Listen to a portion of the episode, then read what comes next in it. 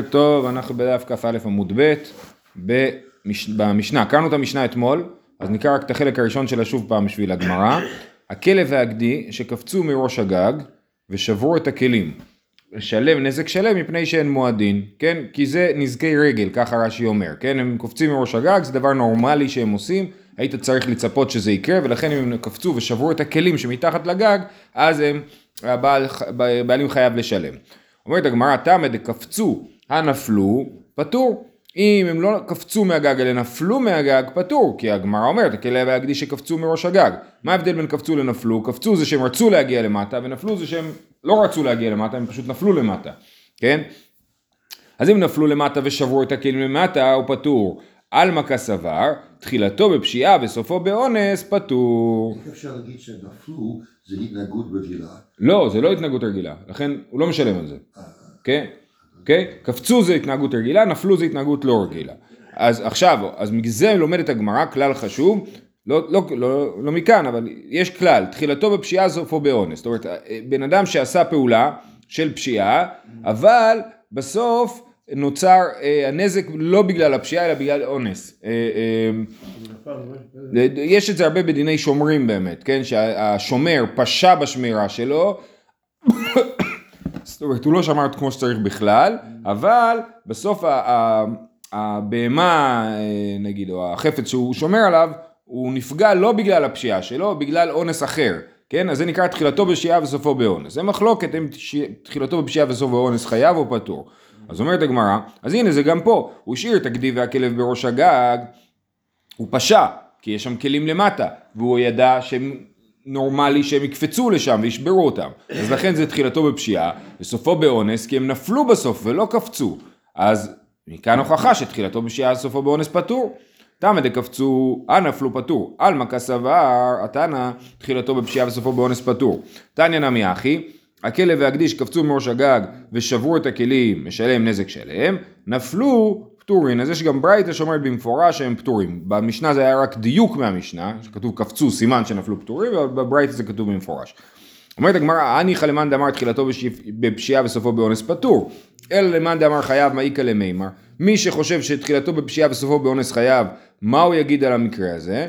אומרת הגמרא, כגון דמקרבי כלים לגבי כותל, דכי קפצי בקפיצה לא נפלי עלייהו. ואפילו תחילתו בפשיעה ליקה. זאת אומרת, הכלים נמצאים צמוד לקיר, לראש הגג, ו- ו- ולכן אנחנו אומרים, אנחנו צריכים לצפות שמי שעל ראש הגג יקפוץ. אבל הוא יקפוץ, הוא יקפוץ רחוק מהגג. ולכן על הכלים האלה הוא לא פשע עליהם בכלל. זאת אומרת זה לא היה חוסר אחריות מבחינת הבעל הגדי להשאיר אותו לגג. כי אומר גם אם הוא יקפוץ הוא לא ישבור את הכלים כי הכלים צמודים. הגדי נפל לא. הגדי נפל בסוף ושבר את הכלים. אבל הוא פטור. למה הוא פטור? כי הוא לא פשע לגבי הכלים האלה. הוא ראה שהם קרובים לגג והוא העריך שהגדי לא יקפוץ אליהם. ואם, ואם כאשר הגדי היה על הגג, זה היה רחוק, ואז בא הבעלים ודחפו את זה, זה שאלה מעניינת, זה סוג של שמירה באמת, כאילו זה להגיד, הוא הגדיל ראש, הוא אמר אני לא רוצה שהגדי יקפוץ על הכלים, הוא הזיז את הכלים, יכול, לכאורה יש פה, לכאורה זה אמור להיות בסדר, אבל אני לא יודע. לא היית חושב שהבעל הגדי, כן. הוא ידאג יותר על הגדי בעצמו מאשר כלים שהוא ישבר? לא, כנראה שמדובר פה על גג נמוך, שהוא לא חושב, הוא לא, מבחינתו הוא לא עושה סכנה לגדי, הוא רק עושה סכנה לכלים. אבל הבעל של הגדי, כן, הוא, הוא זה לא- ששם את הגדי על הגג. אז הוא לא דואג שהוא ייפול או הוא- הוא יקפוץ. הוא, דואג, הוא חושב שזה, אם הוא יקפוץ זה זה בסדר לא גמור. מסוכן. זה לא מסוכן לו. זה גג, גג נמוך, לא יודע, עשרה לא טפחים. כן. אמ, אוקיי. אמר רב זביד משמי דרבא, פעמים שאפילו נפלו נמי חייב. זאת אומרת למרות שדייקנו מהמשנה שנפלו פטור, אומר אה, אה, רבא, לפעמים אם נפלו כן חייב. משכחת לה, בכותל רעוע. כן? אם הגג הזה הוא בעצם סוג של כותל רעוע, אז, אה, אז גם אם נפלו חייב. למה? אומרת הגמרא, מה הניעו? די באי לעסוקי דעתי דנפל ארכי? למה שנגיד שהוא יהיה חייב? כי הוא היה אומר, שם את הגדי על כותל רעוע, אז הוא אומר, אתה צריך להניח שהוא יפיל אה, אבנים מלמעלה, כן? נפל ארכי. אומרת הגמרא, ולכן אפילו אם הוא נפל בסוף, הוא יהיה חייב. אומרת הגמרא, סוף סוף לא נפל ארכי, ונפול אינו, תחילתו בפשיעה וסופו באונס הוא. הרי בסופו של דבר מה שקרה זה שאומנם הוא היה צריך לחשוב שנפלו, ייפלו לבנים, לבנים מלמעלה, אבל בסופו של דבר לא נפלו לבנים מלמעלה, מי שנפל מלמעלה היה הגדי, כן? וכבר אמרנו שאם הוא נפל, הוא פטור, נכון? כי זה תחילתו בפשיעה וסופו באונס. אז לכן המקרה של כותל רעוע הוא לא יותר, הוא לא שונה מכלב ויגדי שנפלו מראש הגג בכל מקרה. לא צריכה בכותל צר, כן? הוא שם את הגדי על כותל צר, שברור שהוא, שלכן אם הוא ייפול זה יהיה הדרך הנורמטיבית. אתה שמת אותו במקום שהדבר הנורמלי בשבילו זה ליפול. זה מקרה שהוא לא כל כך דואג לגדי באמת כנראה, כן? אה, אה, אה, גם אתה כל פעם אומר שם. כן. מי אמר שהוא שם? הגדי עלה לשם. הגדי עלה. ואז השאלה האם הוא יודע שהוא עלה או לא. אם הוא יודע, אז הוא צריך לדאוג לזה. כן. אם הוא לא יודע. אם הוא לא יודע שהגדי עלה, עדיין, הרי מדובר על רשות הניזק כל הזמן, בגלל שאנחנו בנזקי שן ורגל שברשות הרבים פטור. אז בכלל, מה הגדי שלך עושה ברשות הזאת, כאילו? אבל יכול להיות שזה הגג שלי והחצר שלך, כן? ואז כאילו קפצו מהגג שלי לחצר שלך. אמ, אוקיי, אז בכל אופן, אז אנחנו מעמידים את זה, ב, אנחנו אומרים, במקרה של כותל צר, שאז הדבר הנורמלי הוא, הוא ליפול, אז הוא יהיה חייב גם אם הם נפלו. תנו רבנן, הכלב והגדי שדילגו ממטה למעלה פטורין, מלמעלה למטה חייבים. אדם ותרנגול שדילגו בין מלמעלה למטה, בין מלמטה ולמעלה חייבים. זאת אומרת, כלב וגדי לא קופצים למעלה, אני לא חוש... כאילו זה לא הדבר הנורמלי, לא צריך לחשוש לזה, אבל הם קופצים למטה. והאדם והתרנגול הם קופצים אה, גם, אז ככה, תרנגול קופץ למעלה וקופץ למטה, זה אנחנו יודעים, ואדם, אין לאדם את הדבר הזה של מה שהוא כן עושה ומה שלא עושה. אדם מועד לעולם, כל דבר שאדם עושה הוא מועד אליו ולכן הוא משלם. אומרת הגמרא, אה, והתניא, הכלב והגדי שדילגו בין מלמעלה למטה, בין מלמטה למעלה פטורין, אה, יש פה גרסה אה, שאומרת, לא, לא גרסה, יש ברייתא שאומרת שהכלב והגדי, אפילו הם דילגו מלמעלה למטה הם פטורים, שזה גם נגד המשנה וגם נגד הברייתא הקודמת, נכון? כי הברייתא הקודמת אמר רק מלמטה למעלה הם פטורים, אבל מלמעלה למטה הם חייבים. תרגם הרב פאפא דאפיך מי פח, הברייתא שאומרת שהם פטורים, מדברת במקרה שהם הפכו את ההתנהגות שלהם. הכלב התנהג כמו גדי והגדי התנהג כמו כלב. כל, כלבה בזקירה וגדיה בסריחה. אז רש"י מסביר, זקירה זה קפיצה וסריחה זה שנועד ציפורניו בכותל. שאין דרכו בכך ומשונים הם. כן, אז זאת אומרת, אה, אה, כלב קופץ, סליחה, גדי קופץ וכלב אה, עם הציפורניים יורד, כן? אז אם הכלב יתנהג כמו גדי והגדי יתנהג כמו כלב, זה מקרה משונה, מקרה משונה זה קרן, קרן משלמים חצי נזק, נכון? אז הברייתא שאמרה הכלב והגדי שדילגו בין מלמעלה למטה בין מלמטה למעלה פטורין, זה במקרה שהם התהפכו, כן? תרגם ערבה דאפי יחמי פח, כלבה בזקירה וגדיה בסריחה. שואלת הגמרא, יחי עמי פטורים, אם זה דבר משונה, אז הם לא צריכים להיות פטורים? אומרת הגמרא, פטור מנזק שלם וחייבים בחצי נזק. מה שכתוב פטורים, הכוונה היא פטורים מנזק שלם, אבל חייבים בחצי נזק, כי אמרנו כל דבר משונה חייבים עליו חצי נזק. אז במקרה נורמטיבי, כלב וגדי שקפצו מראש הגג הם פטורים, ואם קפצו מלמטה למעלה, אולי הם יהיו חייבים כי זה דבר משונה. כן, אבל אולי גם בברייתא הקודמת שאמרנו מלמטה הפטורים, הכוונה היא אה, פטורים מנזק שלם. אה, רש, כן, ככה רש"י אומר, מלמטה, למעלה פטור מנזק שלם וחייב בחצי נזק. וגם אם הם קפצו מלמעלה למטה באופן משונה, מישהו ראה אותם, אה, לא יודע מה, מצלמת אבטחה תיעדה, שאמרו איזה כלב משונה, הוא מתנהג כמו גדי, אז גם כן חייב חצי נזק. שקופצים זה רגל או... רגל. קופצים באופן נורמלי, זה רגל, כן. רש"י אמר את זה במשנה. למה זה לא קרן? כי קרן זה כל משהו משונה. אם זה נורמלי אז זה, אז זה לא קרן. טוב, הלאה. עכשיו החלק המש... השני של המשנה, אמרנו במשנה, הכלב שנטל חררה והלך לגדיש, אכל החררה והדליק הגדיש, כי אמרנו שהיה גיחל בוער דול... דול... אה, צמוד לחררה, אז על החררה משלם נזק שלם ועל הגדיש משלם חצי נזק. הגדיש. הגדיש משלם חצי נזק, כן. זאת המשנה. אומרת הגמרא, איתמר, וזה מחלוקת מאוד מאוד אה, מפורסמת במסכת בבא קמא. רבי יוחנן אמר אישו משום חציו, וריש לקיש אמר אישו משום ממונו. כשכתוב בתורה שהמבעיר ישלם, ישלם ישלם המבעיר את הבעירה, כן, שצריך לשלם על אש. למה התורה אמרה שצריך לשלם על אש? האם היא אמרה שצריך לשלם על אש כמו, כאילו זה החץ שלי, שאני יורה חץ, אז אני מדליק אש והאש הולכת, זה אותו דבר, או שזה כמו השור שלי, כמו ממונו. כמו שאני חייב לשלם שהשור שלי עושה נזק, אז אני חייב לשלם כשהאש שלי עושה נזק, כן? אז יש לקיש אומר, אישו משום ממונו. ורבי... כשהאש הולך, אני לא עושה את זה. נכון. לא כמו חץ. נכון, הנה זה בדיוק הסיבה שיש לקיש לא מסכים רבי יוחנן. כן? אה, אה, יש לקיש אומר אישו משום ממונו, זה כמו השור שלי, ורבי יוחנן אומר האש שלי זה כמו החיצים שלי. אה, יש לקיש מה איתיימה לא אמר כרבי יוחנן, למה יש לקיש לא אומר את מה שרבי יוחנן אמר שזה באמת חיצים? אומרת הגמרא, אמר לה חיציו מכוחו אזלי, היי לא מכוחו כאזיל, כן? החץ, האש לא הולכת מהכוח שלי, אני הדלקתי אש במקום מסוים ואז היא הולכת לפי איך שהרוח תיקח אותה, כן? החץ, אני יורה, זה הכוח שלי שעף. אם אדם רוצח עם חץ, כן? אז ברור שהוא חייב. לא אומר, זה לא אני עשיתי. אתה כן עשית, נכון? אז רבי יוחנן אומר, כשאתה מדליק אש זה כאילו ירית חץ. וריש לקיש אומר לא, כשירית חץ אתה עשית את זה לגמרי, זה הכוח שלך במאה אחוז, ובאש זה לא הכוח שלך במאה אחוז.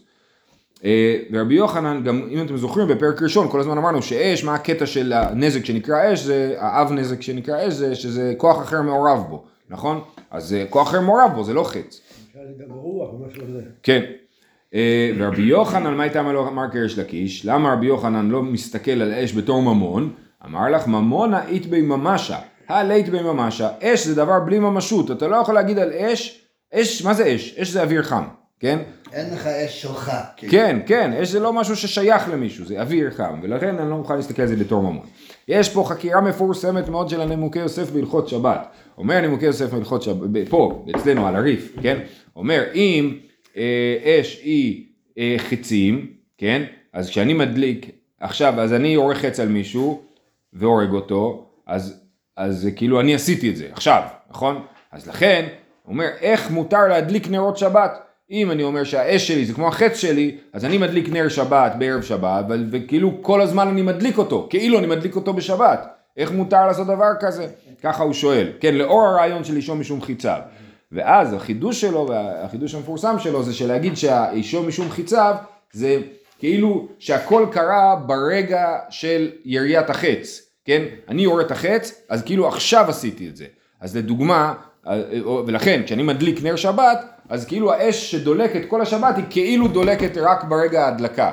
כן, הרגע של ההדלקה, הרגע של הפעולה, הוא הרגע שכאילו כל הפעולה קרתה בתוכו. לכן לדוגמה, מה יקרה אם אני ארחץ על מגן, ומאחורי המגן יש בן אדם, כן? ואז בא מישהו אחר ומזיז את המגן, אחרי שאני יורה את החץ. אז אני מסתכל על הכל כאילו הוא קורה ברגע הירייה, אז אני אומר, כשאני יריתי, היה מגן, כן? זה שאחר כך מישהו בא והזיז את המגן, זה כבר לא קשור אליי. או שאני אומר, לא, החץ הוא שלי, הוא עף כל הזמן, בא מישהו והזיז את המגן והסיר את ההפרעה והחץ אה, פגע. אז אני יכול להסתכל על זה כאילו מי שירה את החץ הוא אשם. זה תלוי בשאלה איך אני מסתכל על זה. כאילו זה קרה ברגע הירי. בדיוק, או בסוף, בדיוק, כן. יפה, אז זה הרעיון בהלכות שבת, שאנחנו אומרים, זה קשור גם לשעון שבת, לחשמל בשבת, כן? כל החשמל שאני משאיר דולק בשבת, אם הייתי אומר, זה כאילו אני עושה את זה כל הזמן, אז זה היה אסור, כן? אבל אנחנו אומרים, לא, זה כאילו הכל עשיתי מראש, ולכן אה, אה, זה לא נחשב שאני עושה את הפעולה בשבת. טוב, בכל אופן, לענייננו, לענייני נזיקין, אנחנו רוצים להוכיח בתוך המחלוקת של רבי יוחנן וריש לקיש, מה מהמשנה שלנו. תנן, הכלב שנטל חררה וכולי. בישלמה למאן דאמר אישו, עכשיו אמרנו על הגדיש משלם חצי נזק, כן? אה, על האש שהכלב לקח את הגחלים ממקום למקום, משלמים על זה חצי נזק. בישלמה למאן דאמר אישו משום חיציו, חיציו דכלב הוא. אלא למאן דאמר אישו משום ממונו, היי אש לאו ממונו דבעל כלב הוא. הרי מה קרה? מדובר על הכלב שהוא גנב פיתה שדבוקים עליה גחלים, הרי צריך לשלם על הפיתה, כן? אז זה לא הבעלים של הכלב שהוא בעלים של הפיתה. אז ברור שהאש לא שייכת לבעל הכלב, כן? אז אם אתה אומר אישו משום ממונו, למה שהבעל הכלב ישלם על האש של מישהו אחר? כן? זה כמו, אה, כן. אז, אה, אז, אז עכשיו, אם אני אומר חיציו, זה בסדר. למה? אם אני אומר חיציו, אז הכלב, אז האש היא החץ של הכלב, לא החץ שלי. הכלב לקח את האש וכאילו ירה אותה למקום אחר, ולכן הוא משלם חצי נזק, כי האש היא כמו צרורות, היא כמו, נכון, מה זה צרורות? צרורות זה נזק שהבהמה עושה באופן עקיף, נכון? שהיא זורקת את ה... לא היא זורקת אבן, היא בועטת בטעות באבן והאבן עפה ושוברת, זה צרורות. אותו דבר גם, הגחלים האלה, הכלב לקח את הגחלים למקום אחר, ושם זה שרף. אז הוא יהיה חייב על ה... אז, אז השרפה שהולכת מכוחו של הכלב זה יהיה צורות. לכן, לפי רבי יוחנן, אנחנו מבינים למה הוא משלם חצי נזק. לפי ריש לקיש, אנחנו לא מבינים למה הוא משלם, בכלל, זה לא ממונו. ואם כל החיוב של אש זה משום ממונו, פה זה לא ממונו, למה הוא בכלל לא משלם? אלא למאן דמר אישו משום ממונו, היי אש לאו ממונו דבעל כלב הוא. אמר לך ריש לקיש, אחת מעסקינן דעה דידויי, דעל חררה משלם נזק שלם, ועל מקום גחלת משלם חצי נזק, ועל גדיש כולה פטור. כן? אומר יש לקיש, תקשיבו, מה שכתוב במשנה זה מקרה שהכלב זרק את החררה על הגדיש, כן? על החררה הוא משלם נזק שלם, על, הגח... על השרפה הוא משלם רק על המקום שהגחלת שרפה, זה משהו מאוד קטנצ'יק, נכון? ועל הגדיש הוא פטור. ומה שכתוב במשנה על הגדיש משלם חצי נזק, הכוונה היא רק על המקום בגדיש שנגע בו הגחל. למה? כי זה ממש צרורות של הכלב, כן? זה ממש צרור של הכלב, זה לא קשור, זה לא נזקי אש. נזקי אש שחייב זה על כל הגדיש, על כל הגדיש הוא פטור, כי זה לא הממון של בעל הכלב, כן? אה, אז, אז הוא, הוא, אבל הוא כן צריך לשלם על המקום שבו הגחלת נחתה, כי זה הצורות של, של הכלב. זה הצורות של הכלב. ולכן הוא מדבר על זה שהוא זרק את החרל. כי הוא אומר, למה במשנה כתוב חצי נזק? אם כלב בא ושם גחל על האש, הוא יצטרך לשלם נזק שלם, כי שם הוא הזיק. במקום של השרפה שהוא שם את הגחל, הוא יצטרך לשלם נזק שלם. אז לכן יש לקיש אומר שמדובר במקרה שהוא זרק את הפיתה, בשביל להסביר שזה צרורות ולא אה, נזק שלם. אה, נקרא את זה שוב פעם. אלא למאן דמר שום שום ממונו, היי אש לאו ממונו דבעל כלבו. אמר לך ריש לקיש, אחא מעסקינן דאה דאדויה, דעל חררה משלם נזק שלם, ועל מקום גחלת משלם חצי נזק, ועל גדיש כולה פטור. ורבי יוחנן, הוא מסביר, דאנך אנוכי על חררה, הוא הניח את הפיתה על חררה, ועל מקום גחלת משלם נזק שלם, ועל הגדיש משלם חצי נזק. רבי יוחנן אומר לריש לקיש, אתה צודק שיש הבדל בין המקום של הגחלת לבין כל הגדיש. כי המקום של הגחלת הוא לא צרורות, הוא נזק שלם. וכל הגדיש הוא חיציו של הכלב, חיצי הכלב זה כמו הצורות של הכלב, ולכן על כל הגדיש הוא משלם חצי נזק ולא נזק שלם. אמ, אוקיי, זה דוגמה ראשונה. דוגמה שנייה, תשמע, וזה משנה בהמשך, גמל טעון פשתן, זה משנה מאוד מפורסמת, למה? חנוכה. כי מזכירה את חנוכה. גמל טעון פשתן ועבר ברשות הרבים. גמל עם מסע גדול של פשתן הולך ברשות הרבים, ונכנסה פשתנו לתוך החנות, היה כל כך גדול שזה נדחף לתוך החנות, ודלקו בנרו של החנווני, והדליק את הבירה. אז הפשתן נדלק מהנר של החנווני שנמצא בתוך החנות, ושרף את כל הבניין, כן? את כל הבירה. אז הבעל הגמל חייב לשלם על זה.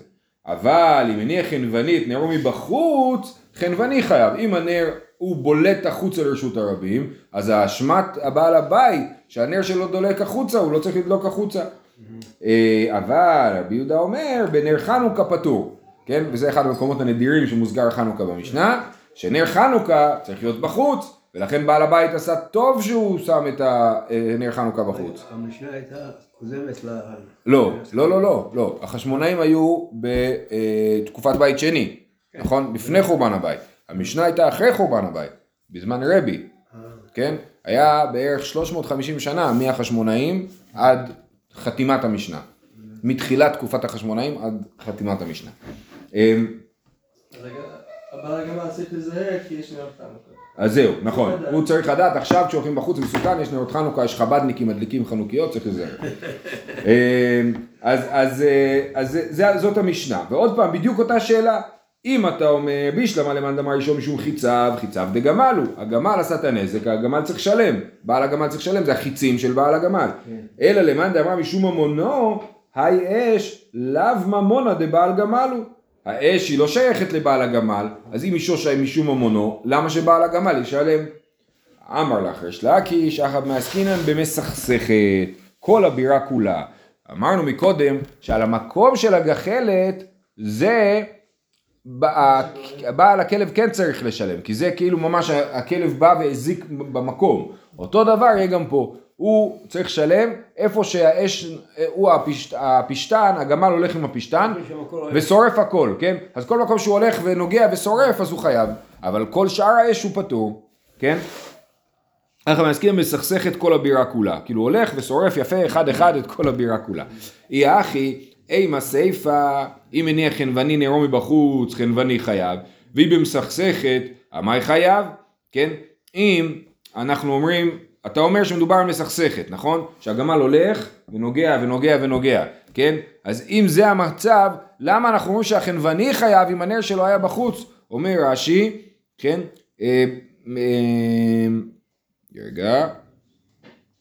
לא, אין פה רש"י. כן, אז הנקודה היא שאם הגמל הלך וסכסך את כל הבירה, איך יכול להיות שהחנווני יהיה חייב על זה? כי, הגמל הזה, או שהוא נגיד שהוא התנהג באופן משונה, או שנגיד שבעל הגמל היה צריך לשמור על הגמל שלו, כן? זה לא שהגמל רק העביר ניצוץ, כן? לכאורה, לפני שאמרנו את הרעיון שמסכסכת, אמרנו, היה נר של החנווני בחוץ, הנר לא הזיק, הפשטן של הגמל העביר את הניצוץ מהנר לבית ושרף את כל הבית, כן? אז אנחנו אומרים, אישו, אם אישו משום אה, אה, ממונו, זה הגיוני, נכון? אבל אם אתה מסביר שמדובר על מסכסכת, שהגמל הולך ומעביר את האש באופן אה, אה, אקטיבי, כאילו, ממקום למקום למקום למקום, למה שהחנווני יהיה חייב על הדבר הזה, כן? אז שוב, אז אמרנו שנייה, אמרנו מסכסכת בשביל לתרץ את הרישא, אבל זה מסבך אותנו בסיפא. כן. יש שתי- יש שתי אופנים של הבירה, או זה שתי פירושים, שאחד זה שורף את החנות שלו, ואחד זה... לא, לא. זה- לא, בכל אופן הכוונה היא שהוא שורף בית כלשהו, בירה זה בית גדול, אז הוא שרף בית גדול, רק השאלה היא איך הוא שרף את זה, האם הוא רק הדליק את זה והוא חייב על כל הבית, ככה אומר, מי שאומר אישום משום חיצה, הוא אומר אתה הדלקת, אתה חייב על כל הבית, ויש לקיש אומר אישום משום ממונו, ופה זה לא ממונו של בעל הגמל, אז הכוונה היא שהוא חייב על כל מקום שהוא נגע, אה, כמו מקום שגחלת. אומרת הגמרא, אפילו אם זה חנות של בעל הבית, שהיה את האש, אם ה... אז הוא לא יהיה חייב, כי כאילו, ה- אה, אז זה דין אחר, כאילו. לא, אתה צודק, לא, אם, אם הנר היה בחוץ והגמל הלך ושרף ושרף ושרף את החנות של בעל הבית, אז לכאורה יכול להיות שהגמל כן יהיה חייב על זה. אם הנר בפנים, או, או בוא נגיד, אם הנר בפנים, לא, אם הנר בפנים ברור שהגמל יהיה חייב, בעל הגמל יהיה חייב. אם הנר בפנים, אה נכון, נכון. לא, סליחה. אם הנר בפנים כתוב במשנה שבעל הגמל יהיה חייב, ויש לקיש הסביר שבזה מסכסכת, שדווקא במסכסכת. כן. אה, והיא במסכסכת, עמי חייב, אומרת הגמרא בשעמדה, כן? אומר רש"י, בשעמדה, עמד הגמל במקומו, וסכסך את כל הבירה, שהייתה חבילתו גדולה כנגד כל הבירה. כן, היה לו המון פשטן, וזה נדלק מהנר של אה, הח- החנווני, אז אם הנר היה בפנים, בעל הגמל חייב. אם הנר היה בחוץ, בעל החנווני חייב. אומרת הגמרא, עמדה וסכסכה כל שכן דחנווני פטור. הבעל הגמל אשם, מה אתה נותן לו לעמוד שם ולשרוף את כל הזה, תעיף אותו משם, כן? אז למה אתה אומר שכל הנזק יהיה על החנווני? אומרת הגמרא, אה, אה, כל שכן דחנווני פטור ובעל גמל חייב. אמר אבונה בר מנוח משמי דרביקה, אחת מעסקינן כגון שעמדה להטיל מימיה. אז אפשר לצייר את זה בתור סצנה יפה, שיש גמל שעומד ומשתין, ובינתיים שורף את כל... את כל העיר, כן? אז היא עמדה להטיל מימיה, זה אונס, הוא לא יכל להזיז את הגמל עכשיו, עכשיו הגמל עומד לא זז, כן? כמו חמור, כן? אז הוא אה, עומד ולא זז, בעל הגמל לא אשם, כי אה, זה סוג של אונס מבחינתו, והחנווני כן אשם, בגלל שזה מסכסכת, כן? יפה. אומרת הגמרא, אה, רגע, איפה אנחנו? כן, עכשיו הגמרא מסבירה. רישא בעל גמל חייב, למה? דלא איבאי לי להפושי בטעינה. הוא לא היה צריך לשים כל כך הרבה מטען של פשטן על הגב של הגמל, שזה יידחף לתוך החנות של החנווני. אז הוא אשם, זה היה פשיעה שלו, ולכן הוא חייב על זה. סיפא, חנווני חייב, דלא איבאי לי להנוחי נרו מהבראי, הוא לא היה צריך לשים את הנר מבחוץ. עכשיו כל זה לפי מאן דאמר, אישו משום ממונו. מאן דאמר אישו משום חיציו, זה פשוט מאוד. הפשתן העביר את האש מפה לשם, אז מי, ש, מי שפשע פה בסיפור, או בעל הגמל או בעל הנר, חייב בגלל שזה החיצים של הבן אדם, או שזה החיצים של בעל הגמל, או שזה החיצים של בעל החנות. אבל למאן דאמר אישו משום ממונו, יש לנו פה בעיה, כמו שהסברנו, בגלל שאיך החיוב יכול לעבור מהחנווני שהוא בעל האש לבעל הגמל, כן? איך זה עובר? אז הסברנו, זה מסכסכת, וזה כמו נזק שהוא אה, כמו רגל, כן? במקום שבו אני שורף, בנקודה שבה אני שורף, אני חייב על הנקודה הזאת, למה? כי שם הזקתי ושם זה כמו רגל. אה, הלאה. תשמע, עוד אה, הוכחה, האם אישו משום ממונו או משום חיציו, המדליק את הגדיש, והיה גדי כפות לו ועבד סמוך לו ונשרף עמו חייב. יש לנו גדיש, כן, אדם הדליק אותו בטעות, בכוונה, ומה היה? היה גדי שהיה קשור לאיפה שהגדיש נשרף, והוא נשרף, והיה עבד שלא היה קשור, אבל משום מה הוא הצליח גם כן להישרף, העבד, כן? אז הוא, על העבד הוא לא צריך לעשות, לשלם כלום, לא לשלם.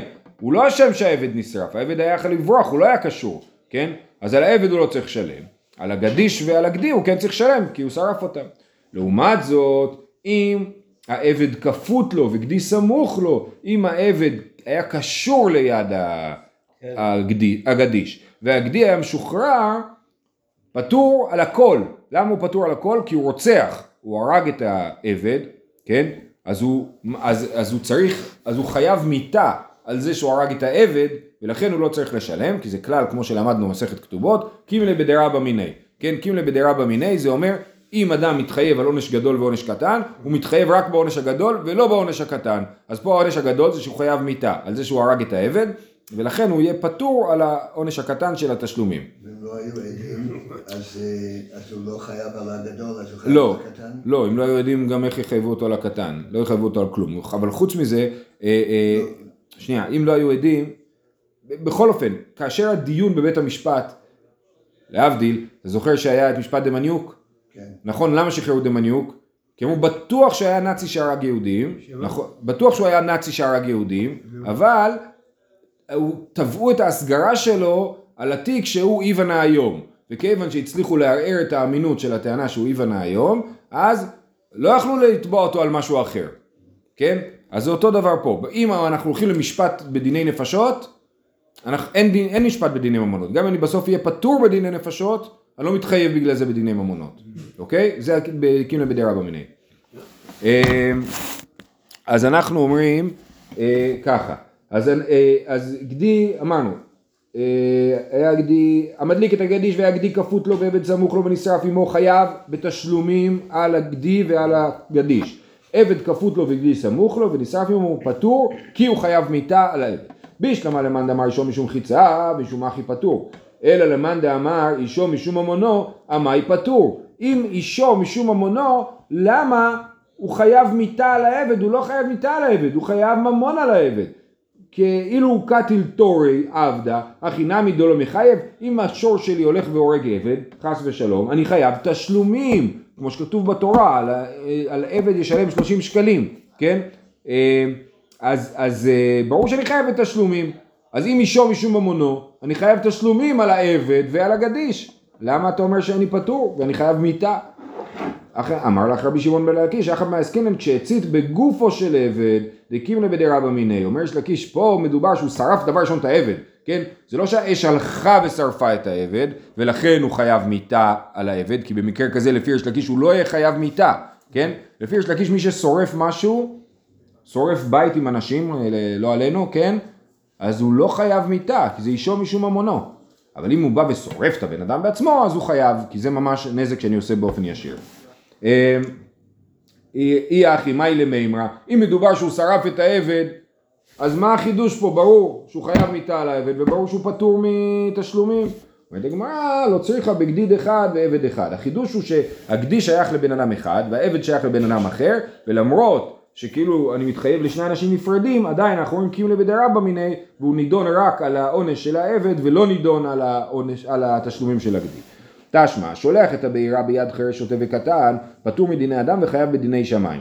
כן? מי, ששול, מי שנותן ל- לחירש שוטה וקטן גחלת, והם הולכים ושורפים עם זה, כן? אז פטור מדיני אדם, הוא לא משלם על זה, פטור מדיני אדם חייב בדיני שמיים. בישלמה למאן דאמר אישו משום חיציו, חיציו דחירש הוא, זה החיצים של החירש, אלא למאן דאמר אישו משום ממונו, אז למה הוא לא משלם? אילו מסר שורו לחירש שוטה וקטן, הכי נמי דלא מחייב? אם אני נותן לש... את השור שלי לחירש שוטה וקטן והשור שלי מזיק, ברור שאני צריך לשלם. אותו דבר, נתתי את האש שלי לחירש שוטה וקטן, והם הלכו והזיקו, אז צריך לשלם על זה, למה פטור? אומרת הגמרא, היית אמרה לה, אמר יש לקיש משמי דחזקיה, לא שנו אלא שמסר לו גחלת וליבה. כשכתוב שפטור, זה אם הוא מסר לו גחלת, והחירש שוטה וקטן ליבו את הגחלת, על זה הוא פטור. אבל אם מסר לו שלהבת, חייב, כן? ולמה הוא פטור בגחלת? כי לא מסרתי לו באמת אש. מה שמסרתי לו, היה לו, הפוטנציאל היה שהוא יכבה, לא שהוא ידלק. וה- והחירש הדליק את זה, לכן הוא פטור. אבל אם הוא מסר לו שלהבת, הוא באמת חייב, כי אישו משום ממונו. ורב- ורבי יוחנן אמר, אפילו שלהבת פטור. מה שכתוב שפטור, ב- אה, מי ששולח את הבירה ביד חירש שבט הקטן, הוא פטור אפילו בשלהבת, כי אישו, סליחה, אה, אישו משום חיציו. ואישו משום חיצה, וזה החיצים של החירש ולא החיצים שלי, אבל אם המסר לו אה, ממש ממש משהו מסוכן, הוא חייב, אה, אפילו שלט פסוק, כצוואר צוותא דחירש, כגרים לה, החיבור אל החירש הוא זה שגרם את השרפה, עד דמסר לי גבזה סילתא ושרגא. אם הוא אומר לו, נותן לו ערמת אה, פשתן או קש ונר, ואומר לו לך תסתובב עם זה, זה כן נחשב לחיצים של הבעלים ולא של החירש. בנשק זהו, אנחנו נעצור פה. שיהיה שבת שלום.